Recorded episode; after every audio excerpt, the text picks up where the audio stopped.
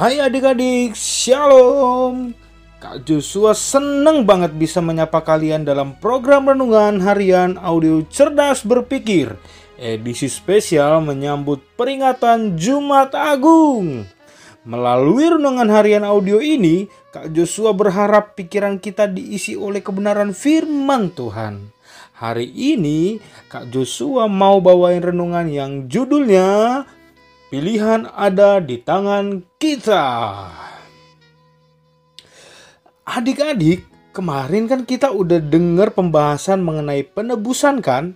Yang secara sederhana dijelaskan melalui contoh kisah hakim yang adil dan anaknya yang jahat yang seharusnya si anak dihukum mati. Ternyata enggak, karena ayahnya lah yang menggantikan dirinya supaya dihukum ayahnya berbuat begitu bukan supaya dia bisa berbuat jahat lagi, tetapi supaya dia bisa menjadi manusia yang lebih baik, bahkan jadi manusia yang berguna. Kalau ayahnya nggak menggantikan si anak untuk dihukum mati, si anak nggak ada pilihan lain selain menerima hukuman kan? Si anak juga udah nggak ada kesempatan untuk memperbaiki dirinya kan? Tapi karena ayahnya menggantikan dirinya dihukum mati, sekarang dia bebas. Dia punya kesempatan untuk memperbaiki dirinya. Bahkan dia kini bisa menentukan nasibnya sendiri sejauh tekadnya untuk berjuang. Intinya, sekarang pilihan ada di tangannya kan? Nah, begitu juga dengan kita. Tuhan menebus kita dari hukuman dosa bukan supaya kita hidup dalam dosa. Habis berbuat dosa, terus minta ampun. Tuhan menebus kita dari hukuman dosa supaya kita bisa menjadi manusia rancangan Allah yang semula, menjadi serupa dan segambar dengannya. Kalau Tuhan Yesus tidak menebus kita dari hukuman dosa, ya kita nggak ada pilihan lain selain kelak kita akan menerima hukuman dosa, yaitu terpisah dari Tuhan selamanya. Tapi karena Allah begitu mengasihi manusia, Dia pun menebus kita melalui pengorbanan Tuhan Yesus di kayu salib. Setelah kita ditebus, kini kita punya kesempatan untuk menjadi rancangan Allah yang semula, menjadi serupa dan segambar dengannya. Dengan menerima penebusan yang dilakukan Tuhan Yesus, kita sedang berusaha untuk mati bagi dosa dan hidup bagi Allah. Roma 6 ayat yang pertama sampai yang kedua bilang begini. Jika demikian, apakah yang hendak kita katakan? Bolehkah kita bertekun dalam dosa supaya semakin bertambah kasih karunia itu? Sekali-kali tidak. Bukankah kita telah mati bagi dosa? Bagaimanakah kita masih dapat hidup di dalamnya? Terus Roma 6 ayat yang ke-11 bilang begini.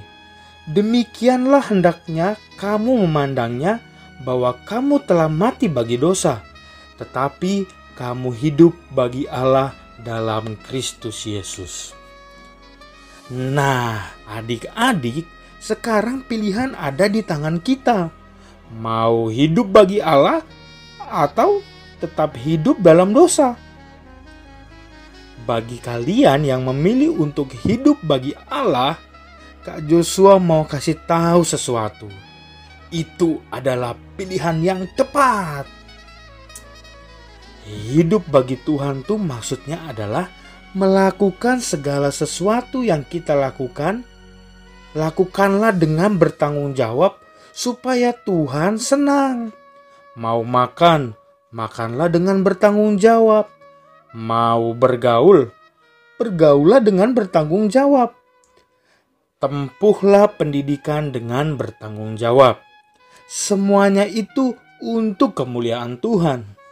So, Ayo kita berusaha hidup bagi Tuhan karena kita udah ditebus. Oke? Mantap. Sebelum kita berdoa, Kak Joshua mau ajak adik-adik. Memang audio ini rekaman, tapi ini adalah kesempatan berharga bagi adik-adik yang sungguh-sungguh ingin hidup bagi Tuhan karena telah ditebus oleh Tuhan, silakan taruh tangan kanannya di dada dan mari kita berdoa. Tuhan Yesus yang baik, kami mengucapkan terima kasih atas pengorbanan Tuhan yang luar biasa di atas kayu salib. Tuhan rela mati demi menebus dosa kami. Saat ini Tuhan, kami sudah bebas, bebas dari dosa. Dan kami mau mempergunakan hidup kami untuk melakukan kebenaran firman Tuhan. Kami mau melakukan segala sesuatu untuk memuliakan nama Tuhan.